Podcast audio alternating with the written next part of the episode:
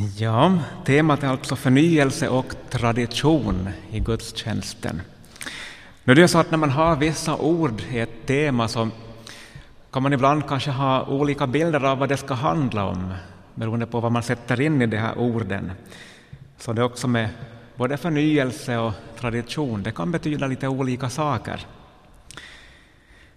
När man hör ordet tradition så tänker man kanske på sedvänja, sånt som man brukar göra. Man har som en tradition att äta lutfisk till jul.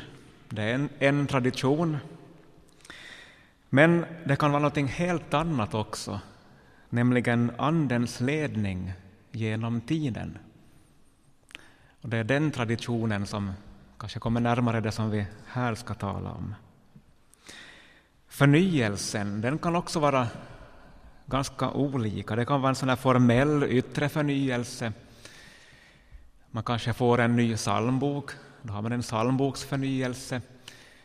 Man tar i bruk en ny agenda i gudstjänsten, också en förnyelse. Och här finns ingen motsättning, men tillika kan en, en förnyelse också vara ett Andens ingripande i kyrkans liv. Och det är kanske ofta vad man tänker på i många sammanhang när man just använder ordet förnyelse, att det är en, en Andens förnyelse. Ordet gudstjänst det kan också förstås på ganska olika sätt. Inom vår lutherska tradition så har man ju ofta betonat att arbetet är en gudstjänst. Så är det ju förstås. Vi tjänar Gud där vi är satta i vårt kall, i vår vardag.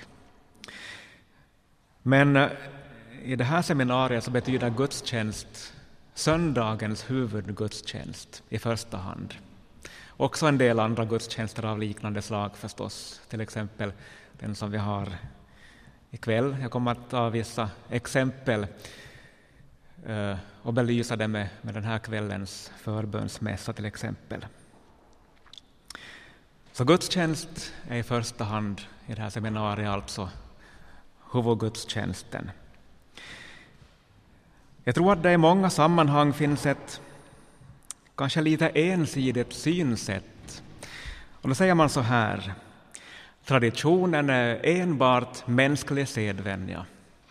Med andra ord, så här har vi alltid gjort och det förpliktar oss att alltid göra på samma sätt. Och det är tråkigt, underförstått. Det är tradition. Så är man klar med den biten. Sen säger man att förnyelsen är ett Andens ingripande och det vill vi ha, för det, det är bra, det kommer från Gud, det är välsignat. Det här är lite ensidigt. Ett bibliskt synsätt det är att tradition är att föra vidare i den helige Andes kraft. Och det är någonting helt annat. Tradition det är att man för vidare i Andens kraft. Och jag har en tes i det här seminariet. Och den lyder så här. I gudstjänsten, alltså i söndagens huvudgudstjänst, i, och en del andra, i gudstjänsten finns en förnyande tradition som den helige Ande använder för att utbreda och befästa Guds rike i världen. Lite om det här upplägget i seminariet tänkte jag först säga, men först kanske en, en praktisk grej. Och det är att om, om det är någon som vill kommentera eller fråga någonting så, så går det nog bra. Det kommer ju med sen på det här, den här CDn kanske som, som bandas här, men ni får nog gärna fråga i alla fall så kan jag kort återge frågan och, och försöka försöka att besvara den också. I ett seminarium ska man ju också ha tillfälle till diskussion och det vill jag gärna ge möjlighet till. Lite om upplägget. Först tänkte jag tala lite om vad, vad utmärker kristendomen. Alltså det är ju inte förnyelse bara som för att få någonting nytt och inte bara tradition för att det ska vara en sån, utan det är utgångspunkten. Vad utmärker kristen tro? Och utifrån det, vad borde utmärka vår gudstjänst? Och sen tänkte jag ta upp lite om förnyelse, dels allmänt olika synsätt på vad förnyelse är. Sen förnyelse som ett Andens verk och så lite exempel från Jesu liv. Sen efter det här tänkte jag ta upp tradition enligt Bibeln. Det är ju det som är intressant, vad som ur biblisk synvinkel är en sann tradition. Och så gudstjänsten först lite allmänt, sen traditionen i gudstjänsten och så förnyelsen i gudstjänsten. Och till slut kanske lite om den förnyande gudstjänsten. Och jag har två verser i Bibeln som kommer att liksom vara genomgående eh, under hela seminariet.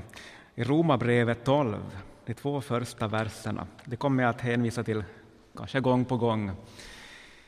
Men åtminstone ett par gånger så återkommer det. Och det är väldigt viktiga rent generellt för en kristen. Jag läser nu från folkbibeln här. Rom 12, 1 och 2. Så förmanar jag er nu, bröder, vid Guds barmhärtighet, att frambära era kroppar som ett levande och heligt offer som behagar Gud, er andliga gudstjänst. Och anpassa er inte efter den här världen, utan låt er förvandlas genom sinnets förnyelse så att ni kan pröva vad som är Guds vilja, det som är gott och fullkomligt och som behagar honom. Det är vårt huvudställe i det här. Så vår första fråga, vad utmärker kristendomen? Det beror kanske på vem man frågar, men eh, mitt svar skulle vara att att man måste fundera på det här innan man kan på ett meningsfullt sätt diskutera vad en gudstjänst är och var förnyelse och tradition än en gudstjänst. Så var då det mest utmärkande? Det är förstås Jesus. Det är Jesus som är det centrala. Men man kan också säga så här, det som speciellt utmärker vår tro är att det abstrakta blir konkret. Ordet blir kött och tar sin boning ibland oss. Jesus Kristus, Guds son och Människosonen, han som är alla herrars Herre och världens frälsare, han står i centrum. Det är liksom alldeles ovillkorligt så. Jesus står i centrum. Vem som helst kan tala om att, att man är andlig, att man tror på Gud, man känner en närvaro, man tror på en högre makt. Väldigt abstrakt, det kan vara precis vad som helst. Kristen tro är konkret. Söker du Gud, se på Jesus. Jesus är det abstrakta som blir konkret, ordet som blir kött. Det här brukar man kalla för inkarnationen, bokstavligen förkötsligandet eller förkroppsligandet. Kristen tro är alltså att någonting blir förkroppsligat. Eh, just inkarnationen, Guds människoblivande, är utgångspunkten för vår gudstjänst. Det är det ena och det andra är försoningen på Golgata kors.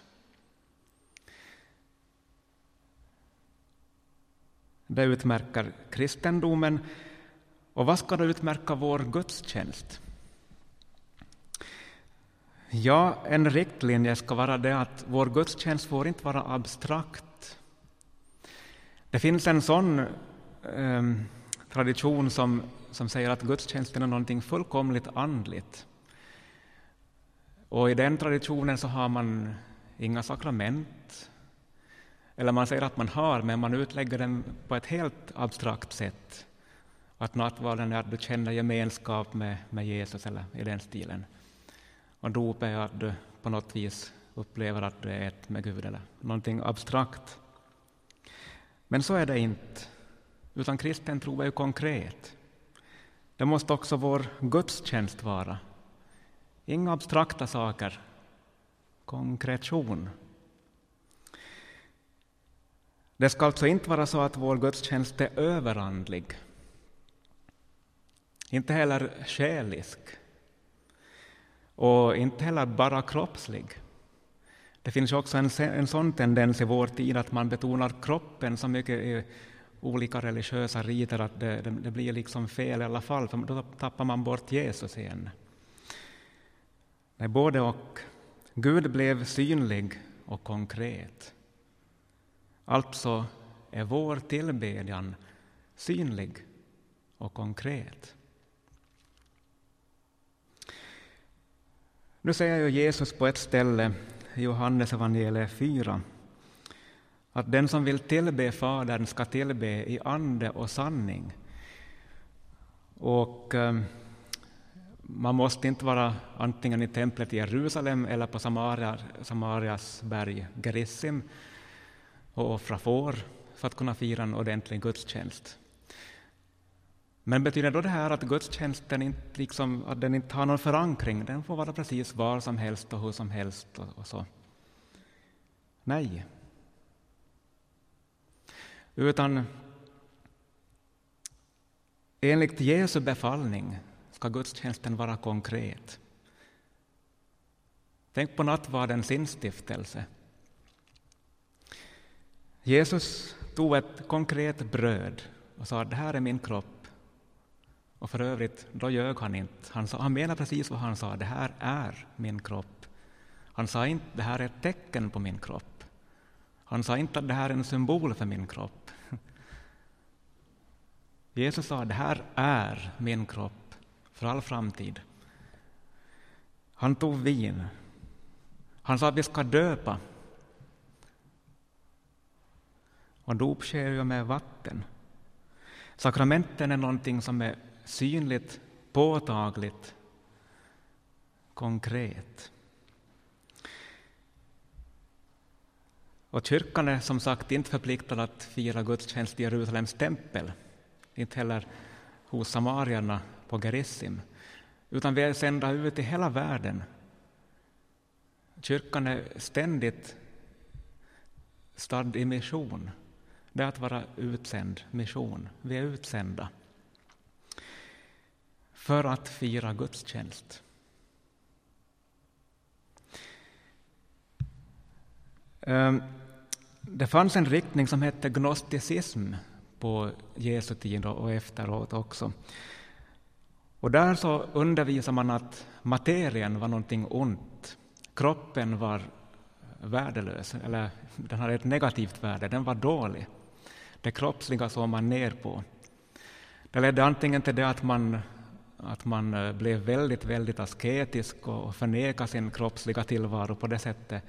Eller att man tänkte att okej, okay, då har det ingen betydelse hur jag behandlar min kropp, så man blev väldigt utsvävande. Gnosticismen, att man inte tar materien på allvar. Men Gud har skapat materien, det kroppsliga. Och Gud blev en kropp Därför måste det vara någonting gott. Kroppen är god, det synliga är gott. I den kristna gudstjänsten så var man alltid konkret, man firade nattvard med konkreta nådemedel och så vidare. Men kring 200-talet efter Kristus så när gnosticismen kanske var lite starkare för tillfället än vad den hade varit tidigare, så började man mer än tidigare framhäva det påtagliga i gudstjänsten. Tidigare hade man, hade man ofta samlats kring biskopen. Sådana har funnits i alla tider, det är ingenting som man har hittat på i modern tid. Eh, fokus i gudstjänsten under de första 200 åren, första två århundradena, var biskopen och biskopstronen. Han kallas episkopos i Nya testamentet. Men från 200-talet så övergick fokus till, till nattvardsbordet. Det var tidigare ett löst bord som man kunde flytta bort när man hade firat sin gudstjänst. Men nu blev det väggfast för att visa att det här är fast, ett fast element i vår gudstjänst. Det är påtagligt, bergfast. Här ska det stå Och det var en reaktion mot överandligheten, mot gnosticismen. Man lärde ju i gnosticismen också att det finns två gudar. Det här märker man ibland att det nästan finns spår av i kristendomen också, alltså i vissa kristna sammanhang, att Gamla testamentet är inte så viktigt. Det nya är det som gäller. Det var precis vad gnostikerna undervisade. Gamla testamentets Gud är ond, sa man. Man kallar honom demiurgen. Det var den onda guden, skaparguden. Kristus var den goda guden som var som en, en motpart, en, en motståndare. Och det var så ganska jämnbördiga. Och Kristus ska befria oss från det kroppsliga, så vi ska bli rena andar. Det är inte kristendom. Det är precis tvärtom i kristendom. Där blir Gud konkret. Gud blir materia. Det finns i vår tid, som jag sa, vissa tecken på det här, och inte bara det här med att Gamla testamentet är nedvärderat, utan också på det sättet att man, man är rädd för att bli för konkret i sin gudstjänst. Man vill helst kanske så långt det går undvika vissa liturgiska kläder i sin gudstjänst, eller åtminstone vill man ha fria möten, som man säger. Till slut börjar nog också där vissa former infinna sig ganska snabbt. Man är rädd för det konkreta i tillbedjan. Det materiella är antingen över eller underbetonat i vår tid. Man tror ofta att om man går in i en vacker kyrka som säg den här, så ser man att här är en massa fina målningar. Tänk vad det måste ha kostat mycket. Tänk om man ska ge det här åt de fattiga istället. Det finns gott om pengar att ge de fattiga på andra håll. Guds hus ska vara vackert på ett konkret sätt. Det har sin egen funktion för att förhärliga Gud. Vi frambär oss själva, läste vi i Romarbrevet. Inte så där på ett andligt sätt, som Paulus skriver på något ställe att han är med dem i anden. Det innebär inte att man kan vara med om en gudstjänst i anden om man har förmåga att gå till den där gudstjänsten. Då kan man inte låta gamle Adam diktera villkoren och stanna hemma och, och ligga på soffan och vara andligen närvarande i en gudstjänst.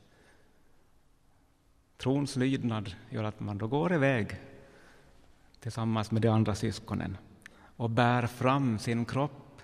Och det är vår andliga gudstjänst. Det är andlighet. Så det här borde utmärka vår gudstjänst. Vad är då förnyelse? Ja, det kan betyda ganska många saker. Till exempel så kan ju förnyelse vara att, man, att det är helgelse för den enskilde kristne. Sinnets förnyelse som Paulus talar om. Väldigt viktigt. Det kan vara en formell förnyelse för en kyrka. Vi får en ny psalmbok, en ny gudstjänsthandledning, en ny gudstjänstordning. Det kan vara karismatisk förnyelse. Och om någon har kommit till det här seminariet och tänkt att det är exakt det som är förnyelse som jag ska prata om, så är det bara en liten del, faktiskt. Beklagar om någon blir besviken. Men det är också förnyelse, karismatisk förnyelse. Den är också äkta. Det finns också liturgisk förnyelse. Den var väldigt stark i början på 1900-talet. Kyrkorna hade fått förfalla på många ställen. Man hade ingen liturgisk klädsel. Prästen gick upp i civila kläder, inte gudstjänstkläder, och predikade och höll gudstjänst. Det var ett förfall. Så då kom den liturgiska förnyelsen för att ge mera värdighet åt gudstjänsten. Så finns en högkyrklig förnyelse som betonar ämbetet, också gudstjänsten, kyrkan som Kristi kropp, som synlig fysisk närvaro i världen. Det finns många typer av förnyelse. Och en, en sann förnyelse, ska jag säga, ska sträva till synliggörande av det heliga, mer än tidigare. Tillbedjan i ande och sanning. Det här med ande för övrigt så är ganska intressant där. Det är ingenting överandligt med att tillbe i anden. Vad gjorde anden när Gud blev människa? Vi säger det i varje trosbekännelse. Avlad av den helige Ande. Anden var med när Gud blev konkret. En andlig förnyelse i gudstjänsten betyder alltså att vi blir mer konkreta. Varför? Jo, för att människor har sinnen att iaktta med. Inte bara öron. Vi ska använda alla sinnen när vi tillber Gud, så det blir så konkret som möjligt, för vi är så svaga, vi människor, att vi behöver all hjälp vi kan få.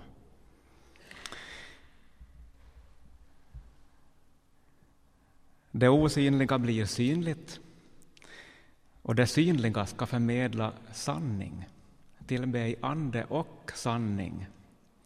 Man kan inte tänka sig att ha en, en rit i en kristen gudstjänst som uttrycker en annan religions tro. Det, det är omöjligt. Utan så som man tror, så ber man. Det är en gammal, gammal, gammal liturgisk regel. Det som vi tror, det uttrycker vi i vår tillbedjan. En biblisk riktlinje för förnyelse är, det är Rom 12.2. Det som vi läste i inledningen. Vi kan ta och repetera det en gång till. Anpassa er inte efter denna världen utan låt er förvandlas genom sinnets förnyelse så att ni kan pröva vad som är Guds vilja, det som är gott och fullkomligt och som behagar honom. Alltså ingen anpassning efter denna världen. Det är inte nödvändigtvis någonting bra. Förnyelse kan inte innebära ordningar, nya ordningar som ersätter bibliska. Till exempel om vi nu tar äktenskapet som ju är i blåsväder överallt i hela världen verkar det som. En vigsel till äktenskap det är en, en form av gudstjänst. Och i Bibeln är det mellan en man och en kvinna. En av var. En man, en kvinna. Fogar Gud samman. Det är traditionen, det som vi har fört vidare från början. Förnyelsen kan bestå i en återupptäckt eller förnyat intresse eller en förnyad undervisning enligt Guds ord om vad det här äktenskapet innebär. Men det är samma äktenskapssyn i alla fall. Det är en förnyelse inom vissa ramar som Gud ger. Man kunde också ta upp ämbetsfrågan här, men det tror jag vi ska avstå från. Men jag kan bara inom parentes säga att också där har det varit en förnyelse där man har anpassat sig efter världen. Sen kan man ju räkna ut till exempel vad jag anser om den saken. Om vi minns vad Paulus sa. No, det är en bisak. Sekundära ordningar kan förnyas. Vissa delar i gudstjänsten kan man förnya. Men inte inte till exempel så att Guds namn förvrängs. Det förekommer ibland, eller har förekommit åtminstone, att man till exempel har döpt människor i, hur brukar man säga, i skaparens, försonarens och livgivarens namn. Det är inte ett kristet dop. Det, det är någonting annat. Därför att, vad sa Jesus? Döp dem i Faderns och Sonens och den helige Andes namn. Det, det är obytbart och outbytbart. Det, det är så det ska vara. Så en förnyelse kan man ha, men vissa saker så rör man bara inte. Förnyelsen, det är ett Andens verk. Det här kan man se redan i skapelsen, på skapelseplanen. Vi tar från Saltaren 104 en vers som är väldigt fin. Psaltaren 104, vers 30. Du sänder din ande, då skapas det och du förnyar jordens ansikte. Alltså den helige Ande är ständigt verksam med en förnyande närvaro i skapelsen. Förnyelsen kan också vara, som vi sa, den enskilde kristnes helgelse. Vi kan läsa från brevet till Titus. Brevet till Titus, vers 3. Nej, kapitel 3, vers 4-7.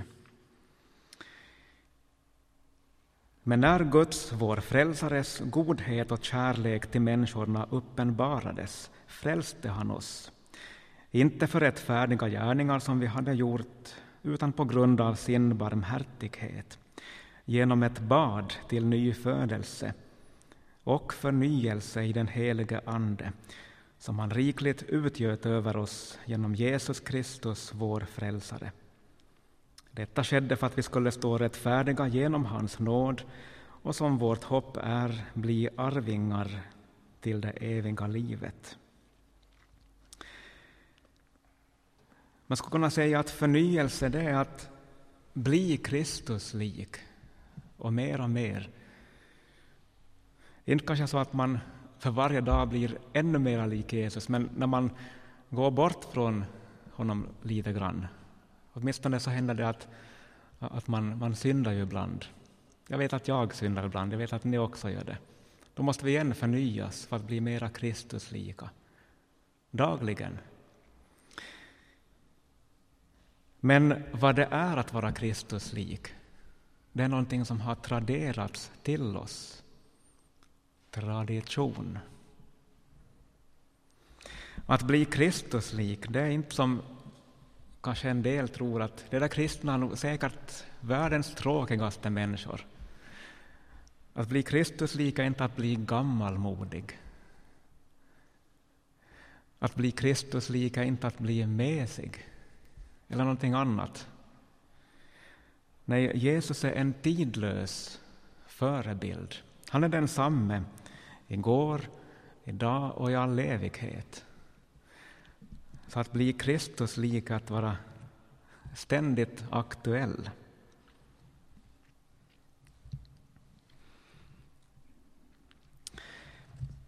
Den här texten som jag läste från Titusbrevet så den handlar ju om, om dopet.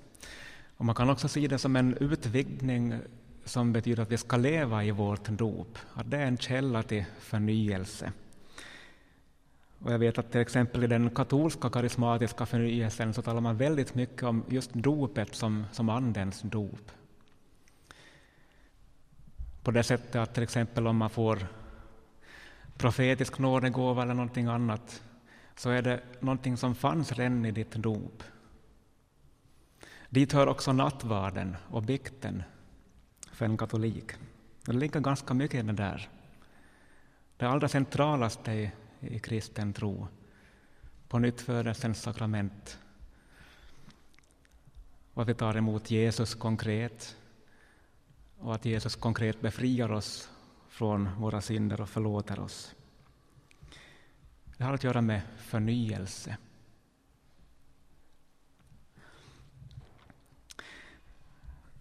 Nå, om man ska bli Kristuslik så kan det vara bra att studera Kristus. Hurdan är han och vad har han gjort och hur, uttryckte han sin tillbedjan? Det är ett ämne som är väldigt ska säga, aktuellt på många sätt idag. Det, vi kan på ett vis vara tacksamma för det här mera mm, ska säga, populära böckerna om Jesus som kanske ganska ofta missar målet, men de väcker diskussionen om vem Jesus är. Det ska vi ta vara på, det tror jag är väldigt viktigt. Men Jesu exempel är viktigt när vi eftersträvar Kristus likhet. Han är tidlös också som exempel och de normer som han har fastställt är också tidlösa.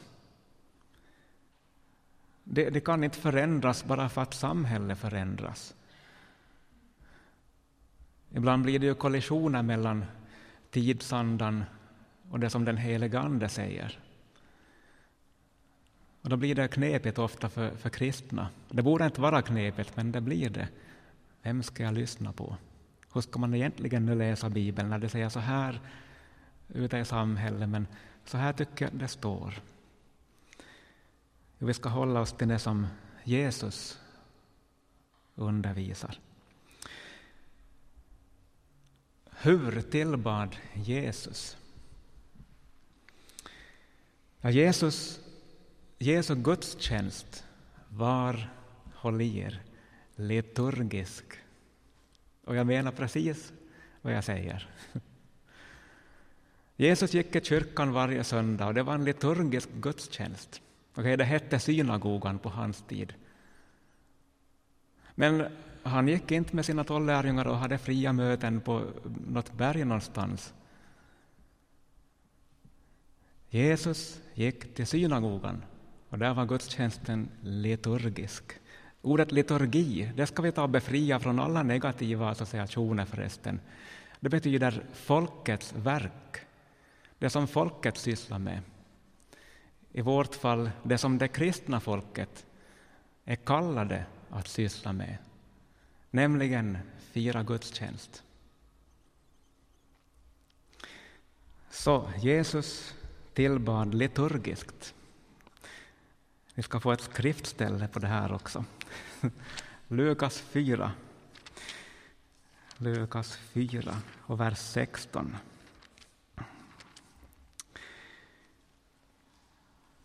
Fjärde kapitlet börjar med att Jesus är uppfylld av den helige Ande efter sitt dop. Han blir ledd av Anden ut i öknen för att frestas av djävulen. Och när han kommer tillbaka så kommer han inte att är andefattig. Det är inte så att han, han är som andefattig eh, och därför firar gudstjänst liturgiskt. I vers 14 så står det att Jesus kommer i Andens kraft. Och vad börjar han göra? Han börjar gå i kyrkan och fira liturgisk gudstjänst. Jag tror vi tar från vers 14 till vers 21. Man, man kan inte begränsa sig när man läser Bibeln ibland, det, det, det går inte riktigt. I Andens kraft vände Jesus tillbaka till Galileen och ryktet om honom gick ut i hela trakten däromkring. Han undervisade, inte på en massa stora konferenser av olika slag, utan var? I deras synagogor och blev prisad av alla. Så kom han till Nasaret, där han hade vuxit upp. På sabbaten gick han till synagogan som han brukade, tradition. Han reste sig för att läsa ur skriften. Man hade textläsningar i synagogan. Och man räckte honom profeten Jesajas bokrulle. När han öppnade den fann han det ställe där det står skrivet Herrens ande är över mig. Ty han har smort mig till att predika glädjens budskap för de fattiga. Han har sänt mig för att ropa ut frihet för de fångna och syn för de blinda, för att ge de betryckta frihet och predika ett nådens år från Herren. Sen rullade han ihop bokrullen, räckte den till tjänaren och satte sig. Alla i synagogan hade sina ögon fästa på honom. Då började han tala till dem. Idag har detta skriftställe gått i uppfyllelse inför er som lyssnar. Det här var inte bara ett, ett sånt påhitt som, som Jesus den här gången drog till med, utan det var så här man firade gudstjänst i synagogan. Man hade textläsningar och någon som kunde utlade texten, predika. Så Jesus tillbad alltså liturgiskt. Då kan det inte vara fel, det, kan, det måste vara väldigt välsignat att göra så. Jesus tillbad också karismatiskt. Kanske någon drar en lättnadens suck. Det gjorde han. Jesus var karismatiker. Inte enbart, men det var han också. Lukas 10.21.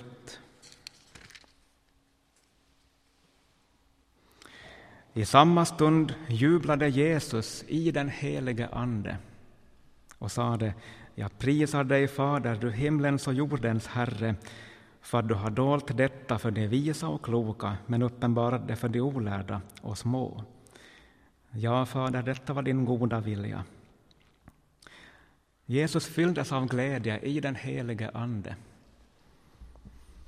Jag förknippar det med karismatik. Jesus tillbad också personligt i enskild andakt. Ibland kanske vi får, får den bilden att Jesus i första hand uppmanar oss att, att be Fader vår i vår ensamhet. Men nu är det ju inte riktigt så som det är, utan Jesus säger ju inte Fader min. Eller min fader, du som är i himlen och så vidare. Det är ett väldigt viktigt ord där, Fader vår. Kollektiv bön.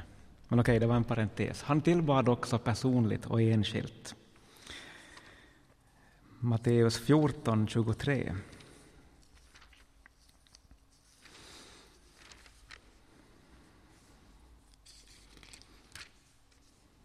Matteus 14, 23. Sen gick han upp, ja, först sände han iväg folket. Han hade undervisat och så ville han vara ensam. Sen gick han upp på berget för att vara för sig själv och be. När det blev kväll var han ensam där. Det var väldigt viktigt för Jesus ofta att, att dra sig undan. Dra sig undan de människor som han normalt betjänar i stora mängder för att vara ensam med Fadern. Det är någonting som vi också måste, tror jag, återupptäcka i vår tid. Enskild bön. Bön i ensamhet. Jesus bad inte bara fria böner. Här kommer nästa smäll. Det var inte så att Jesus alltid bad efter inspiration, eller jo, det gjorde han. Men inte så där som improviserat. Nej, Jesus bad skriftliga böner. Han bad nämligen skriftens ord. Vi kan till exempel se på Lukas 23. Lukas 23, vers 46.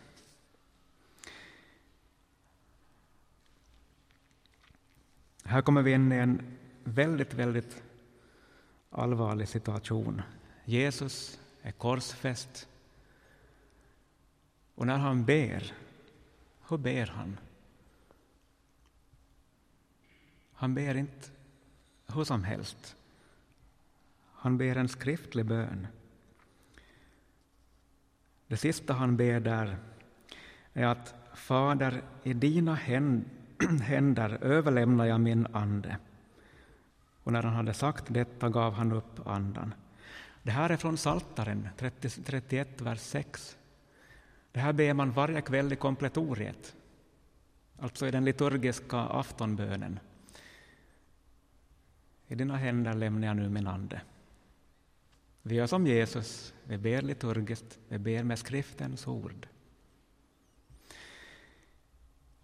Så, hur bad Jesus, om vi sammanfattar? Han bad, tillbad liturgiskt. Han gick i kyrkan varje sabbat. Jesus bad och tillbad karismatiskt. Han fylldes av glädje i den helige Ande. Ingenting att skämmas för. Jesus bad personligt och enskilt. Enskilt andaktsliv. Och Jesus bad med skriftens ord. Han använde saltaren som bönbok. Det är också därför som kyrkan alltid har haft, vi har alltid gjort så här, det är väl tradition. Kyrkan har alltid haft saltaren som sin främsta bönbok. Det börjar med Jesus för oss kristna. Okej, det var om förnyelse. Tradition då? Ja, tradition betyder att man överlämnar Vi kan slå upp ett brev som man kanske ganska sällan läser, inte minst för att det är så kort, Judas brev.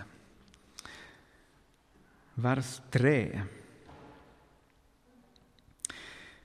Mina älskade, fastän jag är mycket ivrig att skriva till er om vår, vår gemensamma frälsning finner jag det nödvändigt att skriva till er och uppmana er att fortsätta kampen för den tro som en gång för alla har överlämnats åt det heliga. Och det är ju inte ett överlämnande som sker en gång, och så är det bra med det. Om inte traditionen fortsätter, om den bryts, ja, då upphör ju tron att finnas till på vissa ställen. Traditionen är fullkomligt livsviktig för den kristna kyrkan. Jag behöver få veta vem Jesus är. Och det måste någon berätta för mig. Eller så måste jag läsa om det i Bibeln som har traderats i kyrkan. Tradition finns i Bibeln. Jag sa i början att, att det är någonting som den helige Ande är involverad i. Jesus säger ju själv också att den helige Ande skulle påminna om vad Jesus hade sagt. Vem ska han påminna? Jo, han ska påminna kyrkan, de kristna, om Jesu exempel, allt det här vi räknade upp, om Jesu undervisning, om vem Jesus är, vad Jesus har gjort, varför och med vilket syfte. Allt det här är tradition, det ska traderas. Paulus traderar vad han har fått från Herren i Första Korintierbrevet 11.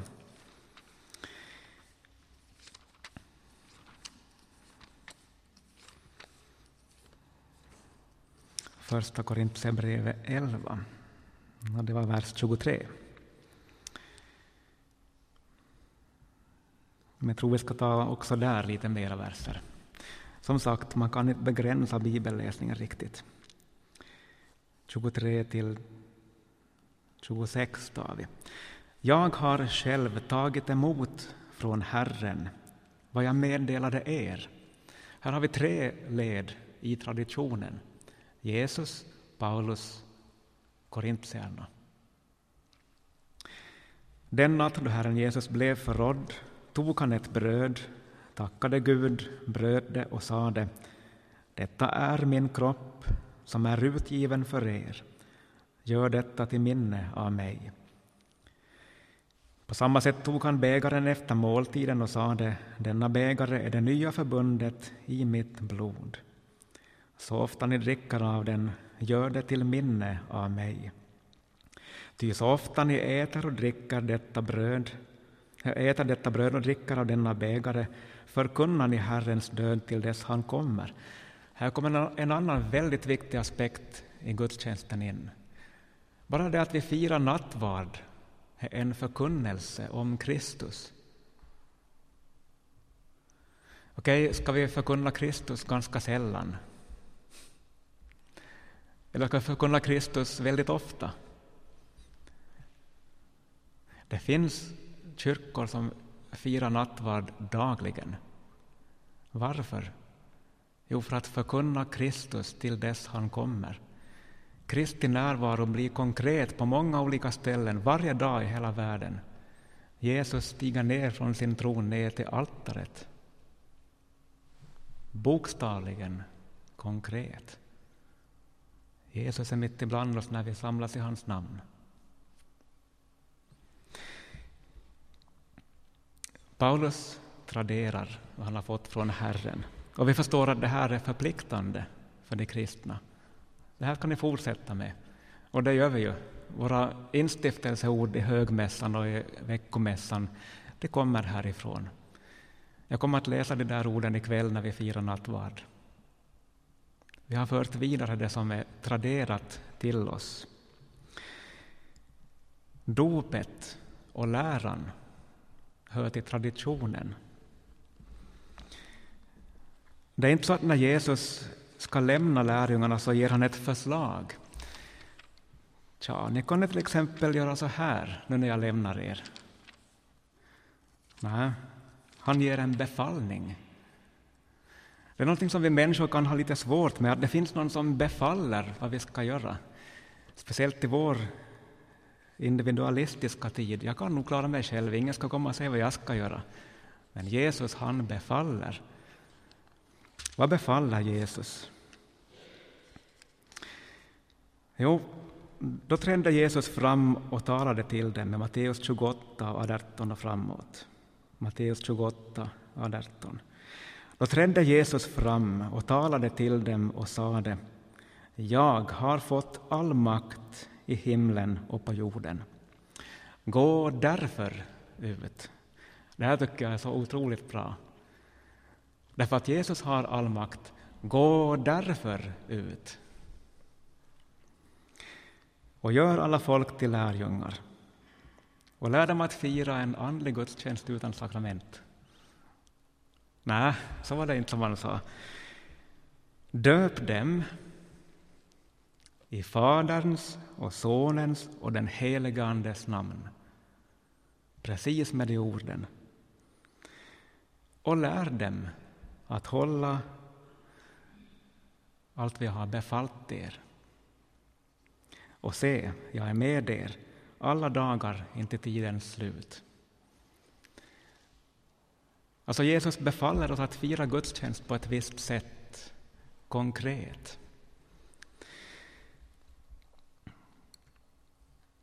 Läran hör till traditionen. Det här kan vara på ett vis ska vi säga, en påminnelse till oss, speciellt oss protestanter, tror jag. Visst, vi ska tolka Bibeln själva, läsa Bibeln självständigt, men om, om det är så att, att jag, när jag nu kommer hem till berget och sätter mig ner och läser min Bibel, så kommer jag fram till en fullkomligt revolutionerande lära som ingen någonsin har tänkt på. Kan jag vara säker på att det här är sanningen? Om hela kristenheten säger emot mig, jag kan säga att jag ska inte själv tro på vad jag har kommit fram till, utan då ska jag nog fråga någon annan också. Det finns någonting är det att vi traderar läran som är en, en, eh, en slags säkerhet. Tidigare har Anden lett människor på det här sättet och garanterar att jag har hört rätt. När vi inom våra protestantiska samfund har liksom minskat betydelsen av ska säga, konsensus, det heligas konsensus, att vi hör samma sak när vi lyssnar till Gud, så har det blivit så att, att varje bibelläsare är sin egen påve. Det är en brist. Det är därför vi har så väldigt många olika riktningar och riktningar inom de här riktningarna och sekter inom de olika riktningarna inom riktningarna och så vidare ner till den enskilde bibelläsaren. Det kan vara bra att lyssna till andra.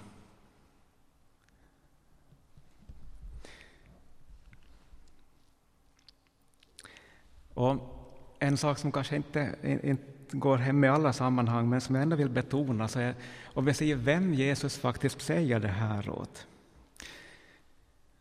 så är det ju inte alla de här stora skarorna med lärjungar, utan det är, det är de utvalda apostlarna, bokstavligen. De som sänds ut i ett ämbete. Det här är en sak som, som till exempel den högkyrkliga rörelsen har betonat att det är främst de apostoliska ämbetsinnehavarna som har fått den här uppgiften. Och alla är väl överens om att normalt är det nog prästen som döper, till exempel. Vi har ju nöddop, men prästen är den som döper, som förvaltar sakramenten, eller okej, okay, pastorn i frikyrkosammanhang. Det är någonting med ämbetsinnehavarna som är väsentligt för Jesus. Det är just till dem han riktar befallningen. Det innebär inte att alla andra får liksom sitta hemma och rulla tummarna eller göra någonting roligt under tiden som prästerna håller på att döpa och lär, utan alla är vi involverade i det apostoliska uppdraget. Men särskilt ämbetsinnehavarna, de har ett särskilt ansvar inför Gud. Nu är jag ju själv präst så jag talar lite i egen sak, men jag skulle ändå vilja uppmuntra er att be för era präster. Jag tror att alla som här är präster och håller med mig om att det är hemskt viktigt att folk ber för oss, speciellt i vår tid. I alla tider förstås. Men be för ämbetsinnehavarna och be för den tillträdande biskopen. Han behöver förbön. Jag kommer att be för honom varje söndag de närmaste 22 eller 23 åren som jag är i tjänst. Kanske också annars. Traditionen ges alltså vidare genom ämbetsinnehavarna. Det här finns det också en hel rad bibelställen på, men vi ska ta ett, första Timoteusbrevet kapitel 6 som ett exempel. Timoteus, han var en gudsman och han var biskop. Han var inte en vilken gudsman som helst. Han var en biskop tillsatt av en apostel, Paulus. 1 Tim 6.20. Käre Timoteus, bevara det som har överlämnats åt dig och vänd dig bort från det ovanliga tomma pratet och invändningarna som kommer från det som kallas kunskap utan att vara det. Alltså, här ser vi traditionen i funktion. Läran har överlämnats åt en biskop. Hans kallelse är att göra samma sak. Och därför är det någonting så djupt tragiskt, speciellt när någon som har biskopsämbetet bekänner sig till en annan tro. Så be för dem, be för biskoparna, att de kan hålla fast vid det som faktiskt har överlämnats till dem, för det gör man i våra biskopsvigningar. Man ber för dem med handpåläggning, de får en nådegåva att föra vidare evangeliet. Men gör det det? Man kan inte göra det i egen kraft. Vi tar det andra brevet till Timoteus, det första kapitlet. Vers jag vet, 13 och 14 har jag skrivit, men det ska nog vara mer än så. Som vanligt. Vi tar från vers 6. Därför påminner jag dig om att låta den Guds nådegåva flamma upp igen som finns i dig genom min handpåläggning. När man, när man vigar en biskop så ger man inte ett brev med en fullmakt och säger att nu är du biskop, gå din väg. Nej, man ber med handpåläggning och förmedlar den helige Andes nådegåva att förvalta ämbetet. Så har vi alltid gjort. Det är kyrkans heliga tradition. Ty den ande som Gud har gett oss gör oss inte modlösa. Det klarar vi alldeles bra på egen hand. Utan är kraftens, kärlekens, självbehärskningens ande. Skäms alltså inte för vittnesbördet om vår Herre och inte heller för mig, hans fånge, utan bär också du ditt lidande för evangelium efter den kraft som Gud ger. Han har frälst oss och kallat oss med en helig kallelse, inte på grund av det som vi har uträttat, utan i kraft av sitt beslut och sin nåd, som han har gett oss i Kristus Jesus från evighet och som nu har blivit uppenbarad när vår frälsare Kristus Jesus trädde fram. Han har gjort slut på döden och fört liv och odödlighet fram i ljuset genom evangelium. Detta har jag blivit satt till att tjäna som förkunnare, apostel och lärare. Här används orden lite sådär. Han fyller i några extra begrepp, sen har vi kanske ibland använt den på olika sätt. Det är också därför jag får lida allt detta. Men jag skäms inte, eftersom jag vet vem jag tror på och jag är övertygad om att det står i hans makt att till den dagen bevara det som har blivit anförtrott åt mig. Så kommer det jag egentligen ska läsa. Som mönster för en sund förkunnelse ska du ha de ord som du har hört av mig i tro och kärlek i Kristus Jesus. Läran förs vidare från apostel till biskop. Bevara, inte genom flitiga studier och idogt arbete, utan bevara genom den helige Ande som bor i oss, det goda som har blivit anförtrott åt dig. Alltså, biskop och präst och pastor, det är du i Andens kraft.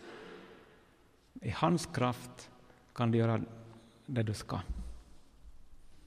om du har en sån tjänst.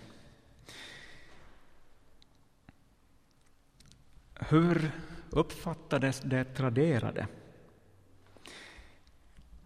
Det här är nästan ett bibelstudium, men det är bra.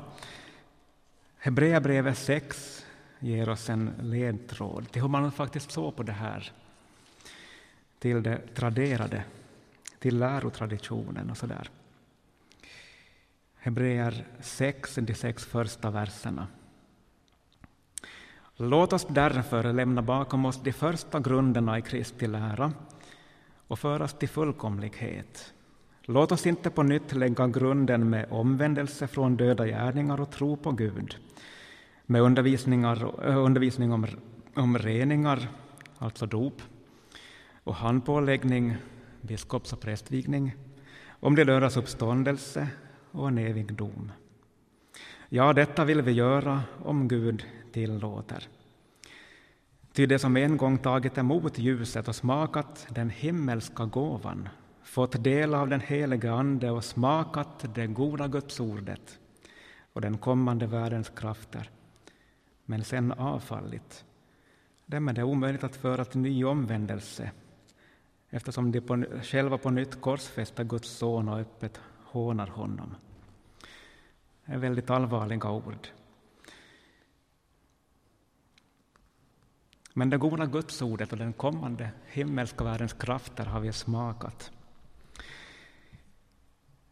När jag undervisar konfirmander så brukar jag ofta förklara vad kyrkan är genom att hänvisa till de här fyra benen i Apostlagärningarna. Kyrkan sitter på en stol som har fyra ben. Kommer ni på vad de här benen står för? Får jag förslag? Bönen, ja.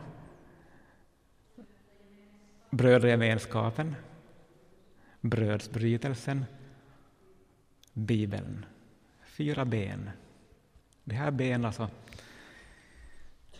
sitter kyrkan på. Men vet ni vad, det här bönen, så är egentligen bönerna.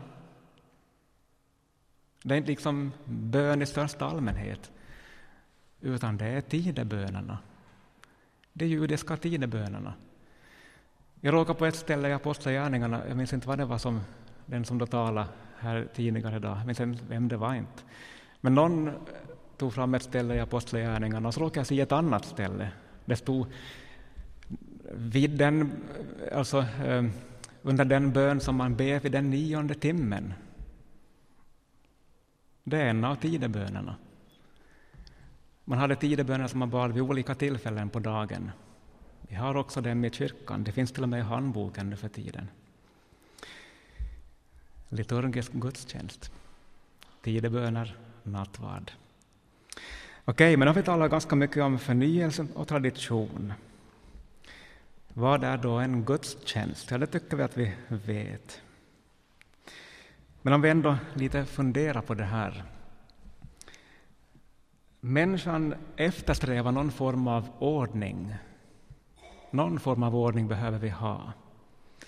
Det finns i alla samhällen det finns, finns i de flesta människors liv någon form av ordning, så också i gudstjänsten.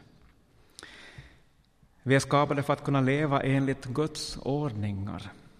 Trots att syndafallet har gjort det ganska svårt, så är det inte alls omöjligt. När det gäller eh, ska vi säga, fromma seder så finns det i vissa fall möjligheter att vara varierande, kreativt varierande, men det finns normer. I gudstjänsten så ska förnyelse och tradition samsas. Liturgin är både traderad och genom tiderna förnyad. Såväl traditionen som förnyelsen är grundad i Jesu instiftande av nattvarden. Jag ska ta ett konkret exempel med söndagens högmässa. Nu har man ju inte högmässa i alla församlingar varje söndag. Där jag tjänstgör så har vi två gånger i månaden högmässa. Målet är förstås att det ska vara varje söndag, men dit kommer vi sen någon gång. Söndagens högmässa. Ja, det här är tradition. Kyrkan har alltid gjort så. Faktiskt. Så är det. Det kan jag också ge ett skriftställe på. Det här visste jag inte om innan jag slog upp en, en bok av Josef Ljungman, en av de riktigt stora teologerna när det gäller liturgin. Men han visar på ett ställe att man firar högmässa på söndag redan i Nya testamentet. Apostlagärningarna 20.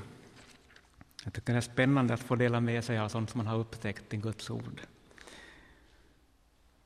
vers 7. Där skriver Lukas. Den första dagen i veckan var vi samlade till brödsbrytelse. Och det var inte en måndag. Därför att sabbaten var den sista dagen i den judiska veckan. Och det här övertog man i kristendomen. Så första dagen, det var Herrens dag den dag då Herren uppstod från de döda, alltså söndagen. Då samlades man till brödsbrytelse under apostolisk tid. Så så har vi alltid gjort. En annan sak som, som man faktiskt alltid har gjort också är att man har tagit upp kollekt vid söndagens högmässa. Det är nästan lite komiskt att tänka sig, men så är det. Okej, kanske inte riktigt alltid, men det finns redan i Nya testamentet också det här. Ni kommer ihåg den här insamlingen till de kristna i Jerusalem som är gjord i Korint. Väldigt viktiga texter att läsa för oss i vår tid. Där så uppmanar Paulus de här kristna att när de är hemma så ska de lägga undan lite, eller vad de kan avvara, för att sen ta med sig till högmässan, där man samlar in pengarna för att ge den vidare till Jerusalem. Ett kor 16.2 har jag skrivit upp där. Nu minns jag inte vad där står faktiskt, vi kan inte kolla. Ett kor 16.2. Ja, på första veckodagen, jag anar nästan att det var en söndag där. På första veckodagen ska var och en av er hemma lägga undan och samla ihop vad han lyckas spara så att insamlingarna inte sker först vid min ankomst. Man skulle inte vänta tills Paulus kom och hämtade kollekten, utan innan man gick till gudstjänsten, till högmässan, första veckodagen som inte var en måndag utan en söndag, så la man undan ur plånboken det man kunde avvara, eller pengapungen eller vad man hade för någonting. Och sen tog man med det till gudstjänsten. Så har vi alltid gjort. Hur ska vi som enskilda kristna förhålla oss till söndagens högmässa? Här ska jag först komma med en bekännelse. Jag har inte alltid gått till kyrkan på söndag, fast jag har varit prästvigd. Så träffade jag en präst i Estland, som också SO känner väldigt bra. Han som är kyrkoherde i Sankt Mikael, Patrik Göransson. Han förmanar mig. Han är själv gammal kyrklig och, och har en gedigen tradition i ryggen. När vi pratar om vilken kyrka man går i, i gudstjänst så sa jag att jag, jag brukar inte gå egentligen så ofta. Va, är det sant? Går du inte till kyrka på söndag? Så undervisade han mig lite och sen dess har jag bättrat mig. För det, det, är faktiskt ingenting som man ska ta lätt på, det här med att gå i kyrkan. Kommer ni ihåg, vad gör man i kyrkan? Man förkunnar Kristus till dess han kommer åter. Och prästen kan inte fira nattvard ensam. Vi måste vara med och hjälpa honom. Och tillsammans förkunna att här finns kristna på denna ort som samlas för att upphöja namnet Jesus. Evangelisation. Hur ska vi alltså förhålla oss till söndagens högmässa? Är det likvärdigt vilken kristen grupp och gemenskap vi går till? Jag har en bönegrupp, kan man tänka. Är det okej okay att det är min gudstjänstgemenskap? Ja, kanske om ni har en präst med och samlas på söndagar. Biskop Ignatius av Antiochia han var samtida med evangelisten Johannes. Han dog tio år efter Johannes. Så vi kan säga att han, han var menade begav sig på riktigt. Han betonade att alla ska vara med, alla som tillhör Kristus ska vara med i mässan. Som han skrev, i en enda tro och i Jesus Kristus. För att lyda biskopen och prästerskapet i det de bröt ett enda bröd som är läkemedel till odödlighet. För övrigt, det här, de här orden har vi med i vår nya gudstjänsthandbok. Prästen kan säga vid nattvarden att välkomna att ta emot, vad läste jag, odödlighetens läkemedel. Nästan 2000 år gamla ord. Det här är en, alltså en väldigt gammal tradition och den är biblisk. Hebreerbrevet 10. Det var de här orden som fick mig att tänka efter. Hebreerbrevet 10, 19-25. Bröder, i kraft av Jesu blod kan vi nu frimodigt gå in i det allra heligaste på den nya och levande väg som han har öppnat för oss genom förlåten, det vill säga sitt kött. Vi har en stor präst över Guds hus. Låt oss därför med uppriktigt hjärta gå fram i full trosvisshet med ett hjärta som är renat från ett ont samvete och med en kropp som är badad i rent vatten, dopet. Låt oss orubbligt hålla fast vid hoppets bekännelse, trosbekännelsen i högmässan. Håll fast vid den.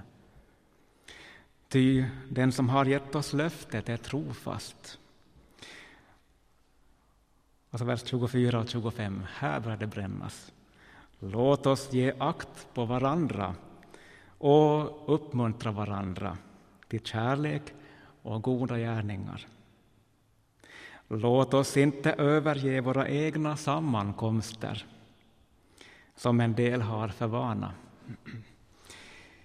utan uppmuntra varandra. Detta så mycket mer som ni ser att dagen närmar sig. Jag blev uppmuntrad och det var väldigt nyttigt. Nu hoppas jag att ni också blir uppmuntrade.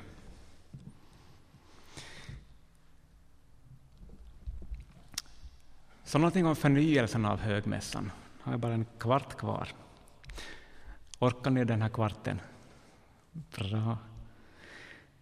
Om det bibliska synsättet på tradition är att föra vidare i Andens kraft så blir vår utgångspunkt att förnyelse är en återgång till det ursprungliga sättet att fira gudstjänst. De här båda möts. Det här med att så här har vi alltid gjort, det har förts vidare i Andens kraft. Så en andlig förnyelse måste ju vara att hitta det här som är överlämnat till oss genom tiderna. Så hur ser en autentisk, biblisk, urkyrklig gudstjänst ut? Ja, det är ju inte så att Jesus gav oss en, en gudstjänsthandbok. Tyvärr har jag tänkt många gånger, det skulle vara bra att ha. Men det gjorde han inte. Han gav oss nattvarden och dopet och det gjorde han i ett visst sammanhang. Nattvarden som exempel, den instiftades under en judisk påskmåltid. Och vi har kvar vissa likheter med, med den ursprungliga sedermåltiden i vår nattvard. Men det var en liturgisk gudstjänst. Från första början så har alltså Jesus befallt oss att vara liturgiska. Okay. Synagogans gudstjänst, Jesu gudstjänst, hur såg den ut? Där fanns responsoriesång, prästen sjöng en sak, eller okej, okay, rabbinen eller synagogtjänaren, vad han nu hette på den tiden, kantorn tror jag att han hette. Det var annat förr, då var det kantorn som ledde sången. En försångare och församlingens svar. Man sjöng växelvis. Har någon tyckt att det är tråkigt i vår kyrka, i vår gudstjänst? Tvärtom, bra. Men det är bibliskt. Det var så som Jesus gjorde. Jesus sjöng liturgiska sånger växelvis. Man hade bön enligt ett visst mönster. Först en anmodan att be. Den som skulle leda bönen sa ”låt oss be”. Han sa inte ”nu ska vi be lite här” och så vände han sig om. Han sa ”låt oss be”. Vi har kvar det i vår gudstjänst. Så kom bönen som den här liturgen ledde, han som ledde gudstjänstfirandet. Och så kom en avslutning med anspelning på Guds evighet. Det har vi kvar i vissa böner. Genom din son Jesus Kristus, som med dig och den helige Ande lever och regerar i evighet. Det är från synagogans gudstjänst, med vissa tillägg. Och efter det här kom församlingens Amen. Jag vet inte hur ni har i era gudstjänstordningar där ni firar gudstjänst, men jag tycker det är viktigt att det står F kolon Amen det är liksom inte någonting som, som vi kan ta lätt på, utan när vi säger Amen så gör vi det här till vår bön, till en kollektiv bön som vi alla kristna som är här idag ber tillsammans inför Fadern genom Sonen i Andens kraft. Så nästa gång som ni är på en högmässa så säg Amen när prästen har bett färdigt. Så gjorde man redan i synagogan. Så hade man en, en växelhälsning som löd Herren vare med er. Och så var svaret Herren välsigne dig. Vem känner igen det? det har funnits med i 2000 år, kanske, ja, jag vet inte när, när det kom in i synagogan. Vi kan säga 3000 så låter det bättre. När firar man gudstjänst? Jo, på sabbatsmorgonen. Det som var deras söndag, det som var deras Herrens dag. Och i den gudstjänsten så fanns textläsningar, det sa vi redan tidigare. Man läste ur profeterna och lagen. I Syrien, i den syriska kyrkan, höll man länge fast vid att man hade både en läsning ur lagen och en ur profeterna och sen en epistel och evangeliet. Man, man tog med sig synagogans textläsningstradition. Okej, det var ganska mycket liturgier, men det ursprungliga sättet att fira gudstjänst var inte bara liturgiskt. Och det vill jag gärna framhålla, det var inte enbart liturgiskt, utan också karismatiskt. För det fanns en medvetenhet om att den helige Ande verkade i gudstjänsten. Han var närvarande med sitt liv, sin livgivande kraft. Det fanns ingen motsättning mellan ämbete och karisma, mellan institution och gemenskap. Och vigningen till ämbetet gav den här nådegåvan. Vi ska ta och läsa från Andra Timoteusbrevet, första kapitlet. Två tim ett. Vi har redan läst det, men där står Därför påminner jag dig om att låta den Guds nådegåva flamma upp igen som finns i dig genom min handpåläggning. Alltså, vid biskopsvigningen, prästvigningen, så fick ämbetsinnehavaren en nådegåva. Som man säger i vissa karismatiska sammanhang, han fick smörjelsen. Det var smörjelsen. Den heliga Andes utrustning i prästvigningen och biskopsvigningen. Alla tar inte vara på det, men det finns där. En del måste återuppliva nådegåvan. Så det har att göra med, med karismer, nådegåvor. Ibland förknippar man kanske ordet karismatik med en viss typ av mötesstil, och det är inte riktigt lyckligt. För det har att göra med nådegåvor, och också ämbetet är som sagt en nådegåva. Anden är närvarande i vår gudstjänst, berör oss genom Guds ord som finns överallt i liturgin, inte bara i textläsningar och predikan. Den här växelhälsningen ”Herren vare med dig” och så vidare, det är från Ruts bok till exempel. Smockfullt med bibelställen i gudstjänsten. Anden talar genom ordet. Han berör oss genom lovsången när vi lovprisar, växelsången, predikan förstås, som det, om det är som det ska vara, och vid nattvarden och i bönen, vid välsignelsen. Det är karismatiskt. Sådana karismer som tungotal och profetia så används helst i mindre grupper. Tungotal ska inte överhuvudtaget förekomma outtolkat i en större gemenskap. Profetia kan ibland vara ett element i predikan. Alla som har predikat vet att man ibland kan få en, en tanke som man inte alls hade tänkt ut på förhand. Det är profetiskt. Anden verkar.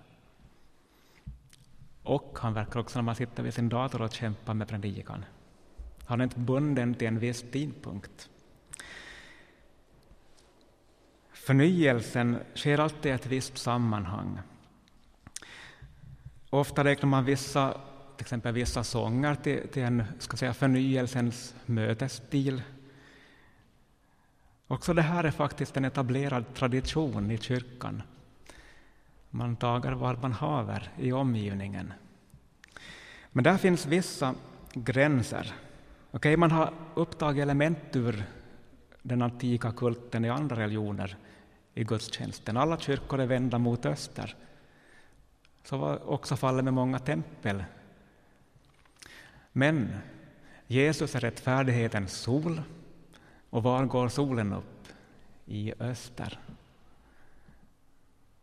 Det är ett kristet bruk, fast det också har använts utanför kyrkan. Eh, musiken i antiken var ofta instrumental, men instrumenten förknippades ofta med vissa gudar. Till exempel lyran, ett vackert stränginstrument, det förknippar man med Apollon. Vad gör kyrkan? Jo, de sjunger a cappella. Alltså man har urskiljning av vad man tar in i gudstjänsten. Och det innebär ju också att man, man måste ju inte ha den allra, allra senaste hiphop-låten i söndagens högmässa. Det är inte alls nödvändigt. Däremot så kan man, man kan nog göra undantag. Jag tror att om det gagnar evangelisationen så ska man göra sådana undantag ibland. Jo, jag, jag är högkyrklig, men jag menar det här. Det kan vara bra att ha en metallmässa. Om en hårdrockare blir frälst på grund av det så är det riktigt i sin ordning. Men det får inte vara det normala, för då skräms resten av kyrkobesökarna bort. Men principen är den att anpassa er inte efter denna världen. Välj med urskiljning och alltid evangeliet först.